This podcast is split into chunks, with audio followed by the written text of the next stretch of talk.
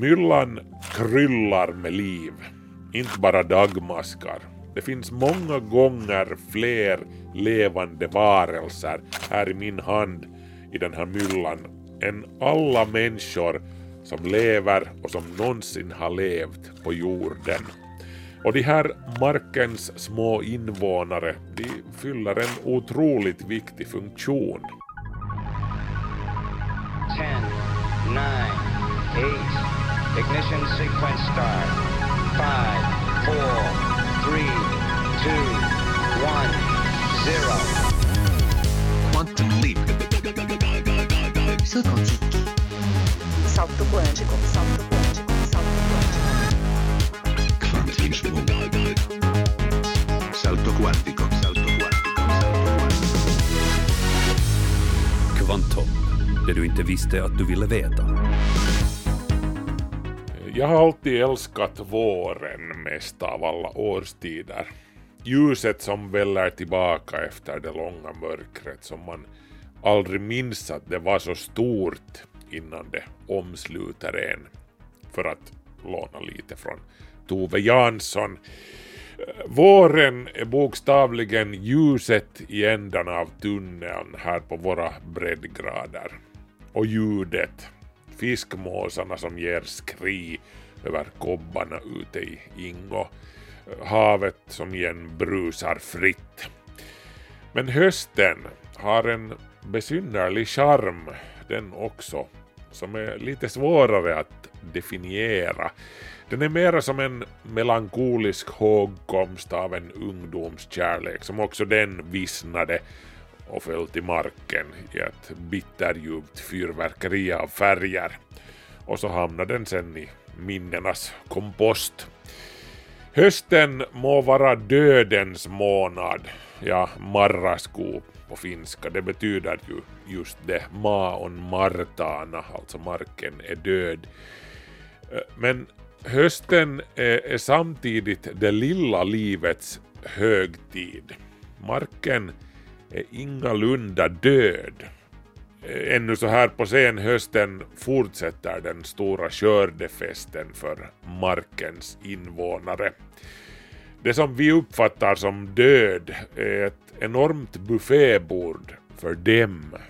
Tonvis med godis som ska brytas ner och återvinnas och återbördas till kretsloppet. Det är om de pyttesmå varelserna som gör det jobbet som det här avsnittet av Kvanthopp handlar. Smådjuren och mikroberna som med sitt outtröttliga arbete omvandlar marken från död materia till en levande bädd som föder allt landburet liv, inklusive odlingsväxterna som livnär oss. Så är det med djuren, Sini, att många är långa och svåra att fånga, men de flesta är små, mycket små, mycket små. Så små att det kan finnas 10 miljarder av dem i ett enda gram jord. Mikrober då alltså, närmare bestämt. Det här är deras planet, kunde man säga. Och det här avsnittet av Kvanthopp är definitivt deras avsnitt. Välkommen med, jag heter Markus Rosenlund.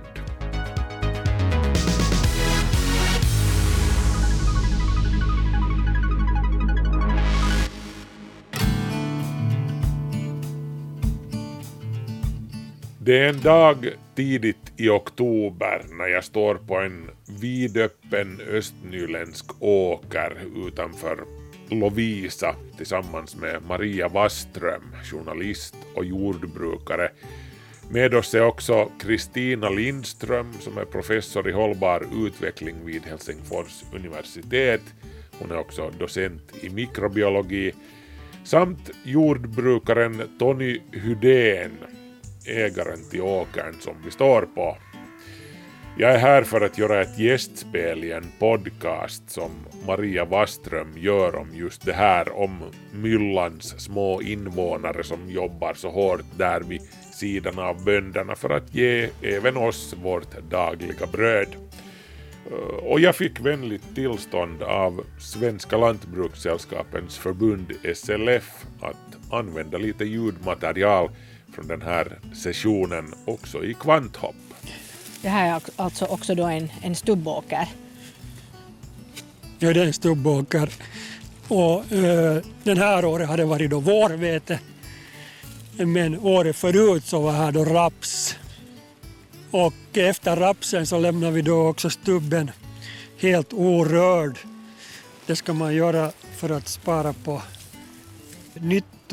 nyttoinsekter som tar livet, eller äter upp, ska vi säga, rapsbaggar. Och här. Aha. Så Där här, krälar åtminstone en mask ser jag, ja, två stycken. Precis. Och det som min observation är det att, att av någon anledning så finns det alltid mycket mera mask då när jag har haft raps. Förekomsten av dagmaskar är alltså en viktig indikator för hur åkern mår. Ju mer dagmaskar, desto bättre mår sen också odlingsväxterna. Dagmaskarna de bearbetar ju jorden inifrån. De luftar och, och dränerar den och deras bajs gödslar den. Visste du att på 25 år har hela vårt matjordslager på cirka 20-30 centimeter passerat genom tarmen på någon dagmask.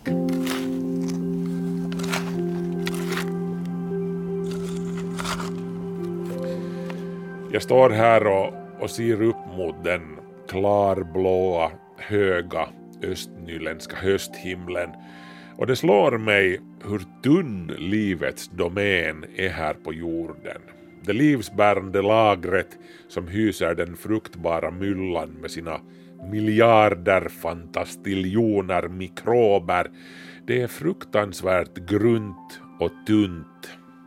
Ovanför oss ligger den likaså förvånansvärt tunna atmosfären som gradvis går över i den oändliga rymdens mörka vidder. Det är liksom miljarder ljusår ovanför våra huvuden. Nedanför, under våra fötter, där möts vi sen igen av 13 000 kilometer glödhet eller smält stenmassa. Det är på några ynka tiotals centimeter allra närmast våra skosulor som allt det viktiga händer. Det är det här otroligt tunna, sårbara skiktet där bland annat dagmaskarna bor som är vår matjord, som heter matjord av en god orsak. Utan den, ingen mat på våra bord. Det är här som den mesta näringen finns, den som växterna tillgodogör sig av. Och som sagt, det är ju inte bara steril död materia i den här grabbnäven mylla som jag håller upp. Det är inte heller bara ett underlag för växterna att förankra sina rötter i det här svarta guldet här. Det är så mycket mer. Myllan kryllar med liv, inte bara dagmaskar. Det finns många gånger fler levande varelser här i min hand i den här myllan än alla människor som lever och som någonsin har levt på jorden. Och de här markens små invånare, de fyller en otroligt viktig funktion. Professor Kristina Lindström.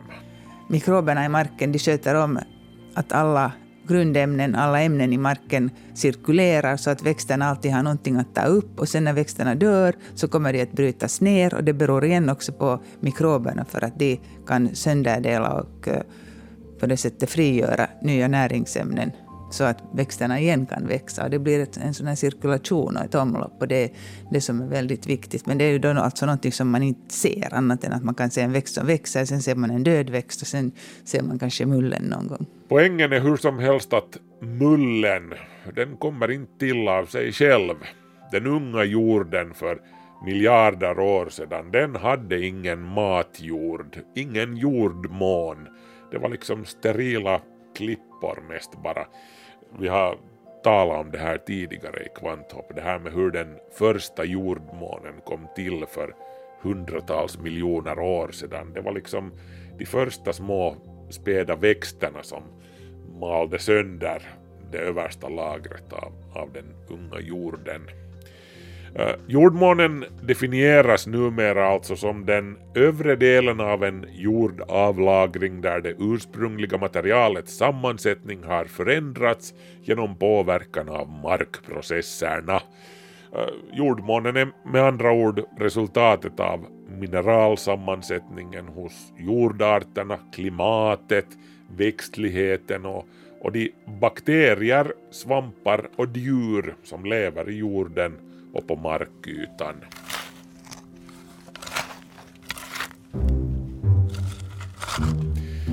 Som stöd för bonden som undrar att hur, hur ska jag nu göra så att mina skördar maximeras både gällande kvalitet och kvantitet, bland annat genom att se till att, att de här markens invånare mår bra.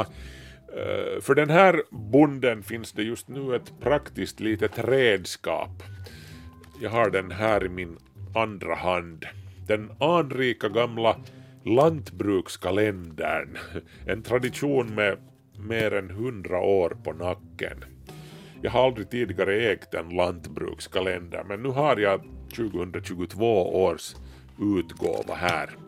Och trots att jag aldrig har jobbat som bonde ens en dag i mitt liv, jag har typ odlat några potatisar på, på stugan någon gång, men, men trots det här så, så finns här en, en massa härligt stuff också för sådana som, som jag att nörda ner mig i. Visste du till exempel att äh, dagmaskarna flyttar tiotals ton jord per hektar varje år? Äh, professor Kristina Lindström har alltså skrivit en artikel som ingår i den senaste upplagan av Lantbrukskalendern. Eh, Vem bor i åkermarken heter den artikeln. Där presenteras alla de där småkrypen som i skrivande stund festar på senhöstens buffébord och bryter ner alla växtrester till godo för följande tillväxtcykel. Här finns uh, dubbelfotingarna, bättre kända som tusenfotingar fast de inte har tusen fötter. Eh, de käkar förmultnande växtmaterial och via sitt bajs förser de marken med kväve och fosfor. Eh, dubbelfotingarna luftar också marken effektivt. Här omnämns hoppkärtarna som gör skäl för sitt namn. De kan hoppa 200 gånger sin egen höjd. Hoppstjärtarna bor i markens övre skikt eller på markytan. Också de bryter ner döda växter till mindre beståndsdelar som markens mikrober sen kan jobba vidare med. Hoppstjärtarna är alltså i en nyckelroll när det kommer till att hålla myllans mikrobflora i gott skick. Och tyvärr far hoppstjärtarna illa av människans framfart de är känsliga för både bekämpningsmedel och, och markpackning. I marken lever också kvalstren, dem kan vi läsa om här. De är nära släkt med spindlarna. Eh, det kan finnas flera tusen kvalster i en liter mylla. Kvalstren de bidrar bland annat till att förse marken med kalcium. De sprider också nyttiga bakterier i och med att bakterierna passerar oskadda genom kvalstrens matsmältning och vidare ut i, i myllan. Eh, vilka andra smådjur kan vi läsa om här i lantbrukskalendern? Nå, små ringmaskarna som också är superviktiga för att hålla marken frisk. Eh, små ringmaskarna äter bland annat skadliga bakterier som kan vara illa för odlingsväxterna. Protozoerna, eller urdjuren, de är små encelliga saker som, som varken klassas som växter, djur eller svampar. De, de bor i markens vattenfyllda porer och livnär sig på bakterier och svampar. Protozoerna de är en viktig länk mellan mikroberna och, och växterna då de käkar bakterier, frigör de nyttiga aluminiumjoner som kan tas upp av växterna. Och det kan alltså finnas en miljon protozoer i ett gram jord. Och så har vi ett annat synnerligen talrikt släkte, nematoderna, eller rundmaskarna. Nematoderna räknas alltså som ett av jordens allra vanligaste flercelliga djur. Det finns just nu omkring 60 miljarder nematoder för varje människa på jorden. Eh, också nematoderna förvandlar organiskt material, växtrester, alltså till näringsämnen som växterna kan ta upp. Nematoderna beräknas stå för en fjärdedel av kvävetillförseln i åkermarken. Och sen har vi förstås mikroberna som ligger som grund för allt sammans. Till dem räknas svampar, bakterier och arkeer. Och med svampar då menar jag alltså främst i form av trådar eller hyfer som växer i marken. De här fruktkropparna syns ju inte till på, på åkrarna, det här som vi brukar tänka på som svampar. Svamparna i marken de, de bryter ner organiskt material så att humus bildas sen. Mykorrhizasvamparna de, de lever i symbios med odlingsväxterna och förser dem bland annat med fosfor och vatten. Och sen var det bakterierna och arkeerna, de allra enklaste små encelliga organismerna. De är prokaryoter, alltså de saknar cellkärna. Ett enda gram jord kan innehålla 10 miljarder prokaryoter. Eftersom bakterierna är levande varelser så andas de ju syre. Om marken är dåligt dränerad då uppstår det lätt syrebrist i marken. Då kan bakterierna gå över till att andas nitrat istället och då andas de ut kväveoxidul eller lustgas som är en potent växthusgas som stiger upp i atmosfären. Genom att se till att åkermarken är väl dränerad och att dess mikrober på det viset mår bra bekämpar bonden alltså den globala uppvärmningen också på det här sättet. Det här var alltså bara några exempel på de levande små organismerna som skapar vår jordmån och vår matjord. Du kan läsa mera i 2022 års lantbrukskalender där det finns också en massa annat intressant om, om djur och natur och om hållbart skogsbruk och när man ska så och plantera diverse växter och, och så vidare och så vidare. På det hela taget är diversitet hur som helst nyckelordet när det kommer till markens välmående, säger professor Kristina Lindström. Om man tänker på, på liksom det som vi kallar för mångfald, diversitet, så kan man säga att det finns en, en stor mångfald i marken och det finns en stor mångfald ovanför marken. Och sen kan man ta det ända till landskapsnivå, att om landskapet har stort mångfald så, och det finns många olika slags åkrar och växter och, så då finns det också ett rikt mikrobliv som har stor mångfald. Och ju större mångfald, desto bättre resiliens, det vill säga förmåga att klara stress och dåliga förhållanden. Men att det här att ha odla då många olika slags växter, ha samodling, växtföljder och så här, det är väldigt viktigt med tanke på markens mikrober. Det här med välmående åkerjord är inte någonting abstrakt som man bara kan analysera med mikroskop i laboratoriet. Faktum är att du kan känna det helt själv och, se det med dina egna ögon.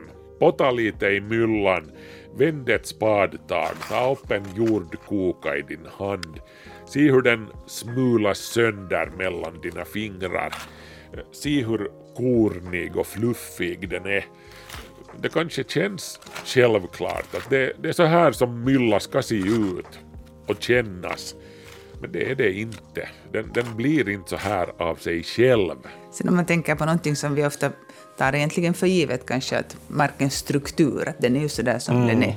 Men att det att där är bra struktur, att det är korn, småkorn små korn och större korn och sådana aggregat. Så det beror bara på mikroberna, att de limmar ihop markpartiklar, de mineralmarkpartiklarna. Och de utsöndrar slem eller limämnen, också svampar utsöndrar sånt som heter glomalin som limmar ihop de här. Och sen finns det där i ett sådant markkorn, en markpartikel, så finns det både luftfickor och så finns det lite vatten och sen är det sådana små miljöer för olika typer av mikrober. Och om inte mikroberna i marken mår bra så kan de inte göra de här aggregaten och då blir det dålig struktur på marken och det, då växer växterna mycket sämre.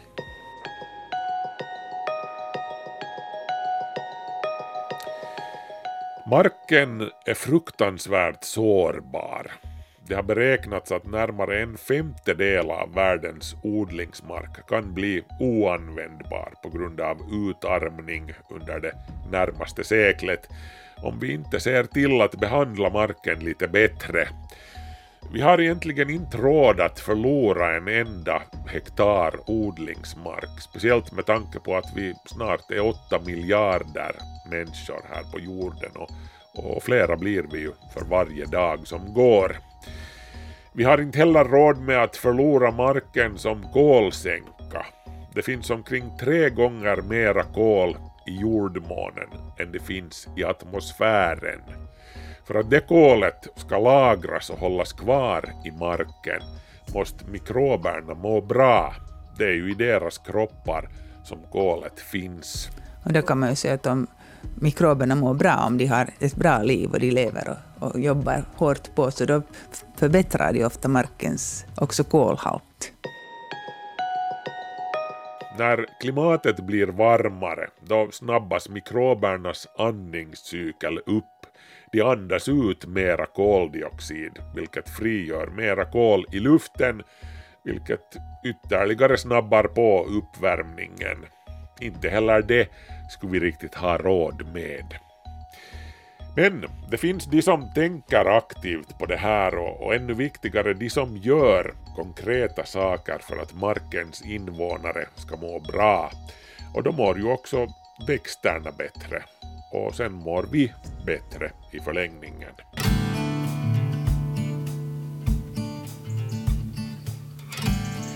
Det är därför vi är här idag ute på den här östnyländska åkern den här soliga dagen i oktober för att bekanta oss med en jordbrukares, hur ska jag säga, nästan heliga mission att göra så att markens invånare trivs med tillvaron.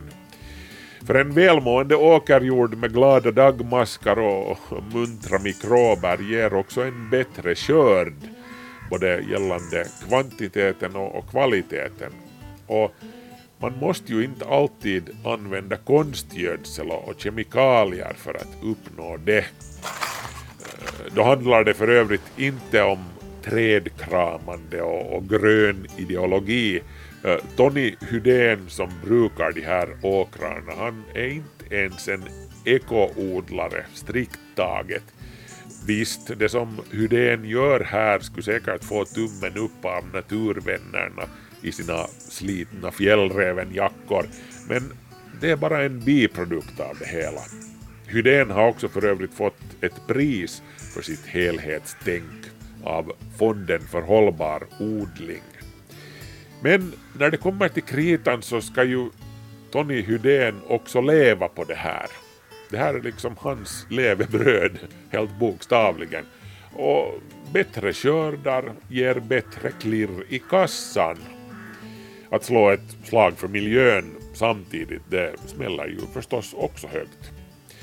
Nå, men vad går då Tony Hydéns helhetstänk ut på? Det går nog ut på det att, att, att jag det där odlar väldigt mycket, det viktigaste eh, som jag ser det, är mellangrödor. Det vill säga att jag på våren i samband med sådden, oftast i samband med sådden, sår in klöverarter i, i, som jag använder då i första hand som då blir att växa efter det att jag körde bort konventionella odlingens den där körda. Och sen blir den att växa och det där jag får på det sättet en grön yta som binder näringsämnen. Och när jag då har klöverarter så får jag dessutom kväve, kväve till marken. Så att jag brukar säga att jag startar min kvävefabrik varje gång som jag har kört ut med tröskan på, på en sån här mellangrödsåker. Klöverarterna binder ju det här kvävet som jag får till nytta hoppeligen följande säsong om jag kan hantera marken rätt före vintern och före följande odlingssäsong. Jag, jag hittade knölar här på klövern. Ja, no ja. Det var det berätta nu lite vad det innebär. Det där som kväve samlas. det är precis det, att det är bakterier som bor där inne i knölarna och eh, de binder luftens kväve och förvandlar det till ammonium som sen växten för vandlar vidare till sånt som växten behöver för att bygga upp sig själv. Och det här betyder alltså att de här baljväxterna som klövern hör till, så de behöver ingen kvävegödsel egentligen, ingen syntetisk kvävegödsel, utan de, de gödslar sig själva tack vare de här bakterierna. Och det här är jättehållbart, för om man tänker på att det här är då Tonys kvävefabrik. Den, den fungerar till och med nära nollgrader. Det mätte jag upp i min doktorsavhandling. På att på åkern så fungerar de. Och medan en Haber-Bosch kvävefabrik kräver stora tryck, höga tryck och höga temperaturer för att de ska kunna göra samma sak. Så det här har alltid fascinerat mig. Och här ser man de här knölarna, att om, du, om man söndrar en knöl så ser man att den är lite sådär rödaktig inuti och det betyder att den är aktiv, så att den, den arbetar på. Naturen har ju, har ju filat på de här mekanismerna i i hundratals miljoner år så är inte det så konstigt att, att det finns system för alla de här sakerna färdigt i marken. Det viktiga är ju för mig är nu då det att, att, att försöka bevara det här kvävet. Och ha nytta av det. Och ha nytta av det följande, följande odlingsväxt. Vi brukar då göra på det sättet här att för det mesta så förlämnar vi då marken orörd helt och hållet. Och det där och på det sättet så hålls det då liv i den här växten då så länge som möjligt. Så att en sån här klöver så tror jag att kan, kan växa ännu i november, december, kanske i januari om det hålls varmt. Och det betyder att det kan ju binda kanske kväve då också. Allra minst ullakaste. Det hålls liv i växten. För du har växttäcke året runt egentligen? Då? Precis, då har jag växttäcke på där och så dör den kanske sen då under, under, under snötäcket eller sen när marken fryser så då stannar det ju upp all, all verksamhet egentligen. Och så får jag det till godo nästa vår när vi då bearbetar jorden och den här börjar förmultna och, och gå sönder så kommer den till godo. Men när den kommer till godo så är ju kanske en liten fråga. För det är ju viktigt att man ska få det, veta ungefär när man får, när man kommer ut med följande gödsling så att säga för följande odlingsväxt. Det är väldigt fint det som du gör. Du har tänkt helt rätt. Bra, tack. Kristina Lindström nämnde där den så kallade Haber-Bosch-metoden, som alltså i princip är den industriella metoden bakom att framställa konstgödsel.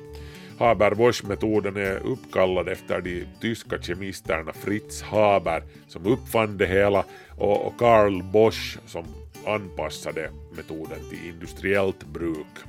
Fritz Haber han fick Nobelpriset i kemi 1918 för sin insats. Med hjälp av Haber-Bosch-metoden framställer man alltså ammoniak direkt från kvävgas och vätgas det här sker vid höga tryck och temperaturer vilket är energikrävande och, och inte helt miljövänligt om man säger så. Så kan man göra samma sak med naturens egna metoder? Varför skulle man inte utnyttja dem för att få sitt kvävegödsel? Det kan ju komma just från, från marken, från, från växter som vi odlar. Ja. Så vi behöver inte köpa.